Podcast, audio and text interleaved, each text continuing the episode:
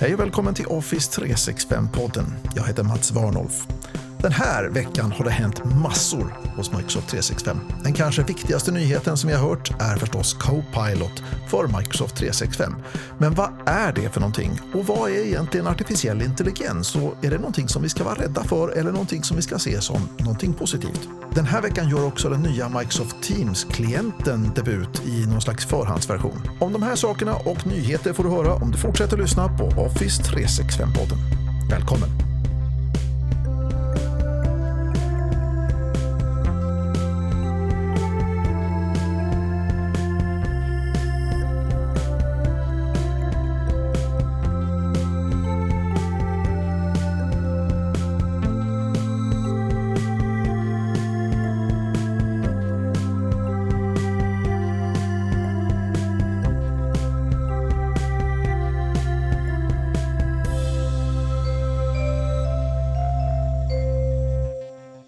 Kan inte ha missat all information som sociala medier svämmar över av just nu runt Copilot för Microsoft 365.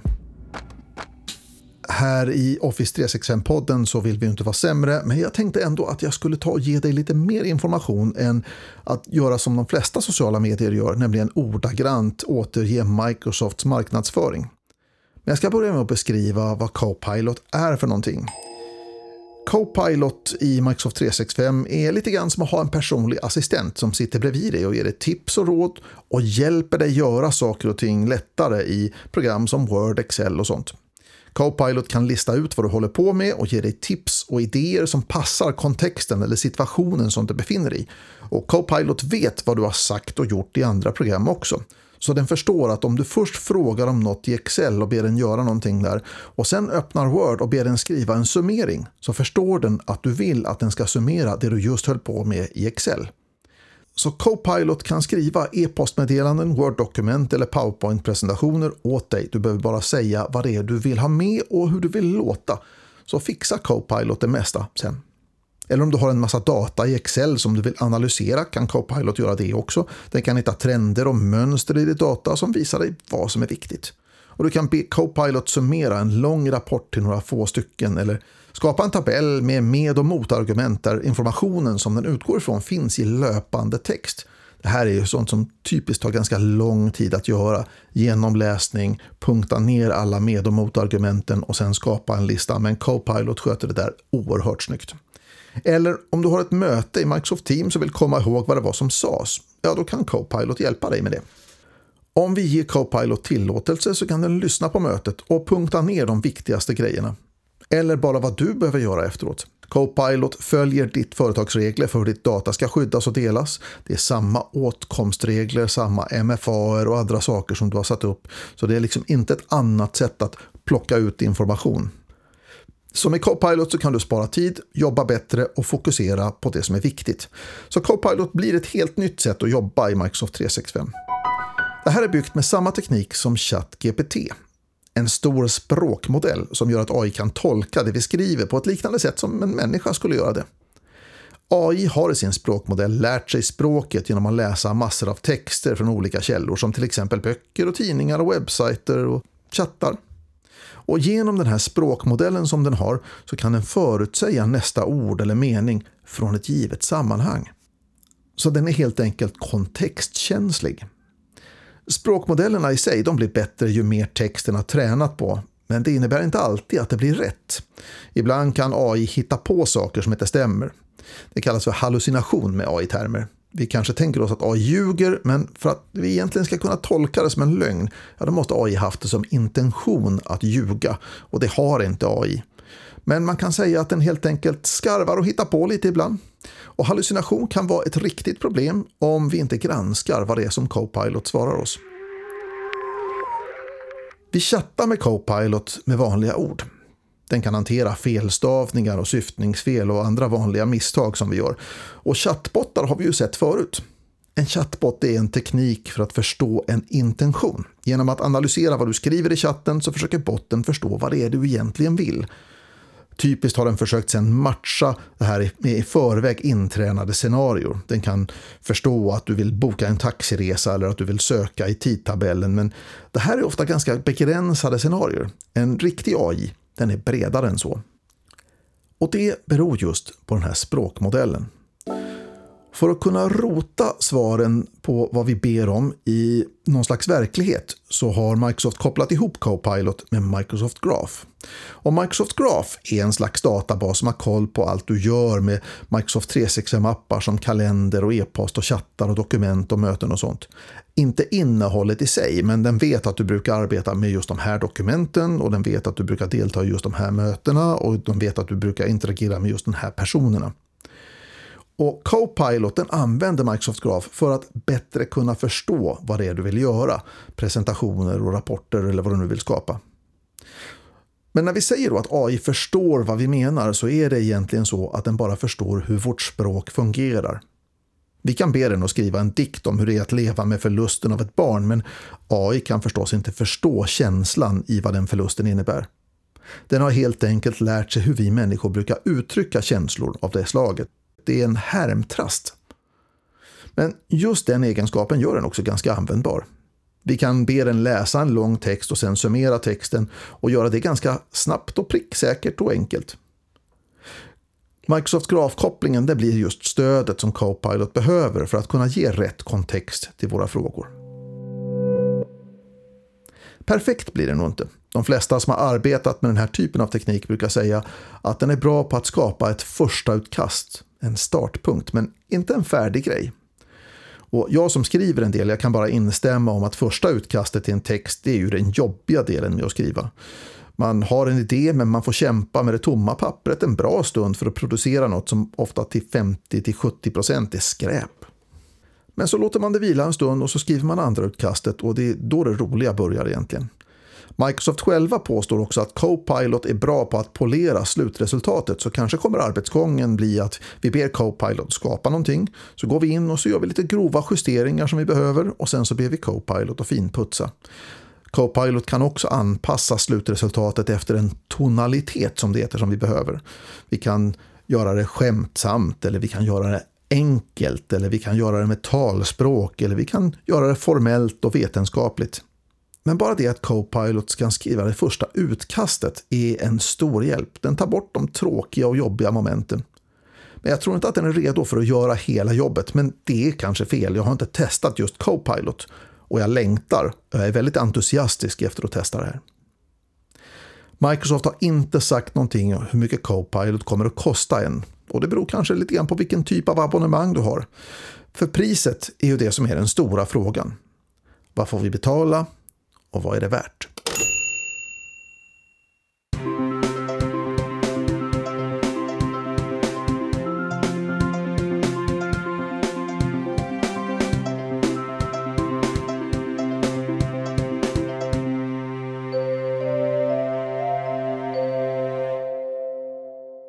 Microsoft har ju gjort en ganska stor satsning på artificiell intelligens under den senaste tiden. Det har varit väldigt mycket machine learning, väldigt mycket av den sortens AI. Vi har GitHub Copilot som hjälper oss att skriva och hantera kod. Och nu har vi Copilot för Microsoft 365 som skapar dokument och gör presentationer och summerar möten och sånt. Det här verkar väldigt kul och spännande. Men det finns ju en elefant i rummet. Och det är ju någonting som folk har pratat om ganska länge. Är inte AI ganska skrämmande? Först och främst gäller det våra jobb.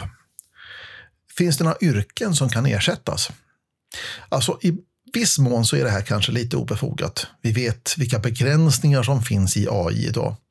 När experter som pratar om artificiell intelligens pratar om hur intelligent en AI är så säger den att den är inte så intelligent som man kan tänka sig. Eh, och vi är väldigt, väldigt långt ifrån det som vi kallar för generaliserad AI när en artificiell intelligens kan tänka lika fritt och starkt som en människa. En av begränsningarna i AI, eh, om vi jämför till exempel AI med en primat eller med en bebis, så är det så att vi vet att biologiska hjärnor bygger en modell av verkligheten genom att testa saker och ting. Alla har vi sett bebisar som provar gravitation till exempel, både med sig själv och med andra saker som de släpper i golvet och så vidare. de får med tiden en förståelse för hur saker och ting fungerar. Medan AI idag är begränsad till att härma saker och ting, att, att se mönster och härma efter. När kalkylarken kom med Lotus 1, 2, 3 och så vidare, då, då var väldigt många ekonomer oroliga för att deras jobb skulle försvinna. Det har ju faktiskt inte riktigt hänt, åtminstone inte än dystopierna pratar ju ganska mycket om de här kreativa jobben som tas över av AI och liknande. Den som vill ha till exempel annonsgrafik eller motsvarande och inte bryr sig särskilt mycket om originalitet eller någon slags superkvalitet eller så kan väldigt enkelt låta generativ AI generera en bild åt oss. Fotorealistisk och allt om vi vill. Så är det här mer ett hot eller en möjlighet? AI har stor potential och kan revolutionera många saker, men samtidigt så finns här en risk. Det finns förändringar av yrken och branscher där AI kan ersätta vissa människor. Det finns därmed en samhällsekonomisk förändring jämfört med industrialiseringen lite grann av samhället. Det fanns helt enkelt inte behov lika mycket av folk då som behövde sköta hästar när bilarna kom. Så det kommer att bli en brist på en viss kompetens och en överflöd på en annan. Och omskolning är ju förstås en möjlighet. Problemet här det är ju att om AI ska ta över jobbet så kommer det inte att finnas en kompetensbrist där. Utan AI är ju maskinell intelligens. Så vi vad vi pratar om det är kanske arbeten och yrken då som kanske helt försvinner eller åtminstone minskar, decimeras ganska kraftigt. Andra risken som finns med AI är att vi låter ofta AI nu fatta beslut runt saker och ting. Och det är kanske ett misstag. För vi vet att AI har en tendens att hallucinera runt saker och ting. Hallucination, precis som vi sa alldeles nyss, så är en hallucination inte en medveten lögn. Det finns inget uppsåt eller så, utan i brist på information så bestämmer sig AI helt enkelt för vad som är sant. Och det blir ibland jättefel. AI kan leda till fördomar och diskriminering. AI förstår ju inte orden, vet bara hur de används i språket. Så den kan helt enkelt inte förstå att den förstärker en missuppfattning eller en fördom. Det finns en integritets och säkerhetsfråga där AI kan samla in och lagra massiva mängder data. Och i fel händer så är det här naturligtvis ett problem. Alla har vi sett dystopier som innebär autonoma vapensystem. Och vi är på väg dit. Vapen som skjuter och bombar utan att någon behöver beordra dem till det. Man släpper bara lös dem och så fattar de själv sina egna beslut baserat på vad de ser. Men notera här nu som sagt, AI kan inte förstå saker och ting. Den kan bara härma och förstå mönster i saker och ting. Det finns också en, en stor kontrollförlust. Därför att när systemen blir mer kapabla och avancerade så blir de mer svåra att förutsäga vad de ska göra, vilka beslut de kommer att fatta. Det här med en apokalyptisk dystopi, alltså Terminator Skynet skulle uppstå, ja, den är ganska osannolik. Men AI med en annan målsättning än vi, det kan vara ett problem. Det här tar Max Tegmark upp i sin bok Liv 3.0. Hotet är inte en AI som vill utrota människan. Hoten är en AI som försöker uppnå ett mål som är i konflikt med människors mål, med mänskliga värderingar. EU tar det här på allvar och försöker just nu lagstifta runt användning av artificiell intelligens i The Artificial Intelligence Act. Och det är viktigt för forskare och politiker och allmänheten naturligtvis att fundera på det här. När vi använder oss av AI, gör vi det på ett ansvarsfullt och etiskt sätt? Och märkligt nog så stämmer det lika väl när vi pratar om Microsoft Copilot och eh, Googles Bard eller ChatGPT. Vi har ett ansvar att validera och värdera det som AI spottar ur sig ur de här systemen.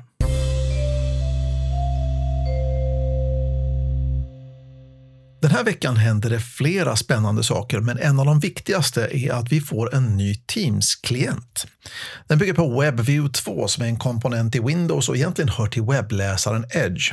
Den gamla versionen av Teams-klienten den byggde på Electron som är en plattformsoberoende tjänst som väl har funkat ganska bra men den har dragit väldigt mycket resurser och den har varit ganska långsam. Varför skulle man då vilja byta mot den här nya? Ja, en av de viktigaste anledningarna till att man vill testa den nya Teams-klienten är att det är mycket, mycket enklare och snabbare att hoppa mellan olika konton i Microsoft 365. Säg att du har ett par, tre olika konton i din egen miljö och kanske i någon kunds miljö eller någon leverantörs miljö eller någon partners miljö eller så. Där du inte är gäst alltså, utan du har ett riktigt användarkonto där. Det har du kunnat göra väldigt enkelt i den mobila klienten, den som finns på mobiltelefonen eller på plattan. Men om du har använt dig av Windows eller Mac-klienten, alltså riktiga desktop-klienten, ja då har det här varit ganska jobbigt. Då har man fått logga ut ur Teams och sen logga in med det nya kontot och sådana saker. Eh, och det här har lett till att folk använt sig av webbklienten istället. Man har helt enkelt webbläsare uppe med olika profiler och sen så är man inloggad i flera olika team samtidigt. I den här nya klienten så kan du alltså vara inloggad i flera olika miljöer med riktiga användarkonton samtidigt. Den är också snabbare. Det tar halva tiden att ansluta till ett möte. Eh, det tar halva tiden att byta mellan kanaler och Teams och så vidare. Då. Den kräver mycket färre resurser av din dator. Den är både snålare på minne och grafik och processor och så. Och dessutom tar den upp mindre plats på datorn och den är snabbare att uppgradera. Ja, det finns en väldig massa fantastiska grejer som händer med den här nya. Så när ser vi det här då? Ja, preview av den här nya Teams-klienten rullar ut med start den här veckan för dig som har Windows. Den kan komma vilken dag som helst, men det krävs lite handpåläggning av din administratör för att det här ska kunna funka. Och om du vill vänta tills den här är allmänt tillgänglig eller om du som jag kör Mac, ja då får du vänta till senare på året när Microsoft är färdiga med den här klienten. Och man ska ha koll på då som sagt att det här är ju en preview. Och det betyder att en del saker fungerar annorlunda än vad du är van vid. En del saker funkar faktiskt inte alls. Så det ska man vara medveten om. Det är inte bara fördelar med den här nya klienten. Och sen så eh, lite tips. Kom ihåg att du måste tillåta notifieringar i Windows ifrån Teams. För annars så ser du faktiskt inte när det ringer eller när någon chattar med dig. Det dyker inte upp någonting utan du måste ha slagit på och tillåtit notifieringar i Windows ifrån Teams. Hur får man den här då? Ja, det finns en uppdateringspolicy i Teams Admin Center och så sätter du då så att användaren själv kan välja den nya Teams-klienten. Det finns helt enkelt en inställning för det där. Och sen så tilldelar du den här policyn till den som ska testa den här nya Teams-klienten. Och vill du att alla ska kunna testa den här nya Teams-klienten, ja då sätter du helt enkelt den här inställningen då att man kan välja den nya Teams-klienten, att användaren själv kan välja den. Ja, då sätter du den på den globala policyn. Och därefter så är det egentligen bara att vänta, för rätt vad det är så dyker det upp en liten eh, knapp uppe till vänster i Teams. Och eh, där står det helt enkelt testa den nya Teams-klienten. Och skulle det visa sig sen att eh, ja, det var ju väldigt spännande och alltihopa det här, men det finns funktioner som du behöver som inte stöds ännu i den nya Teams-klienten så går det alldeles utmärkt att slå tillbaka till den gamla. Då startar Teams-klienten om och sen så har du den gamla Teams-klienten igen. Och så här kan du hålla på fram och tillbaka, fram och tillbaka. Och Microsoft uppdaterar ju naturligtvis den här nya Teams-klienten hela tiden så att det dyker upp ny funktionalitet. Så testa med jämna mellanrum ifall det är så att du vill använda dig av den nya Teams-klienten. Så kan du testa den nya Teams-klienten tycker jag att du ska göra det. Det är som sagt väldigt enkelt att slå tillbaka till den gamla om någonting inte funkar. Dags för nyheter i Office 365-podden. Det är inte alla användare som har Microsoft Authenticator installerat. Men det betyder inte att du är tvungen att skicka sms för tvåfaktorautentisering. Nu får du stöd för riktiga MFA-prompter i Outlook Mobile. Microsoft Authenticator Lite heter funktionen som är en förhandsversion som är tillgänglig redan nu. För dig som är administratör kan det vara bra att veta att det inte är påslaget som standard. Men om du bingar just Microsoft Authenticator Lite så hittar du vad du söker för att slå på stödet för MFA med Outlook Mobile. Microsoft byter nu ut processen för delning av sajter till den nya Azure Business to Business inbjudan-processen. Det innebär många administrativa fördelar, men det som du först behöver ha koll på är att gästernas upplevelse kommer att se annorlunda ut. För dig som bjuder in så ser det likadant ut. Och är du administratör så ta gärna en titt på dina policies för Azure Business to Business Invitation Manager. Microsoft förbereder nu för att du ska få något som heter Spatial Audio i Teams-möten. Spatial Audio är kanske någonting som man mest förknippar med hemmabio, Dolby Atmos och liknande tekniker. Men resultatet av den här nyheten i Teams-möten är att ljudet ska upplevas mer naturligt, mer inklusivt och mer fokuserat. En av fördelarna blir någonting som vi har tagit upp som en nyhet tidigare i Office 365-podden. Och det är att vi inte längre ska få rundgångsljud när högtalare och mikrofoner är för nära varandra i möteslokalen. Tekniken är utvecklad med machine learning som tränat på mer än 30 000 timmar inspelade möten för att upptäcka missljud, oljud och andra ljudstörningar och dämpa dem. Och det här kommer vi att märka i våra Teamsmöten under maj. Och det var nyheterna. Och det var faktiskt allt för Office 365-podden för den här gången. Om det är så att du har frågor, tankar eller synpunkter får du jättegärna skicka dem till office365podden at varnolf.net. I nästa avsnitt ska vi prata om Microsoft Loop och alla funktionerna som kommer ihop med det. Fram till dess får du ha det så bra. Vi hörs. Hej!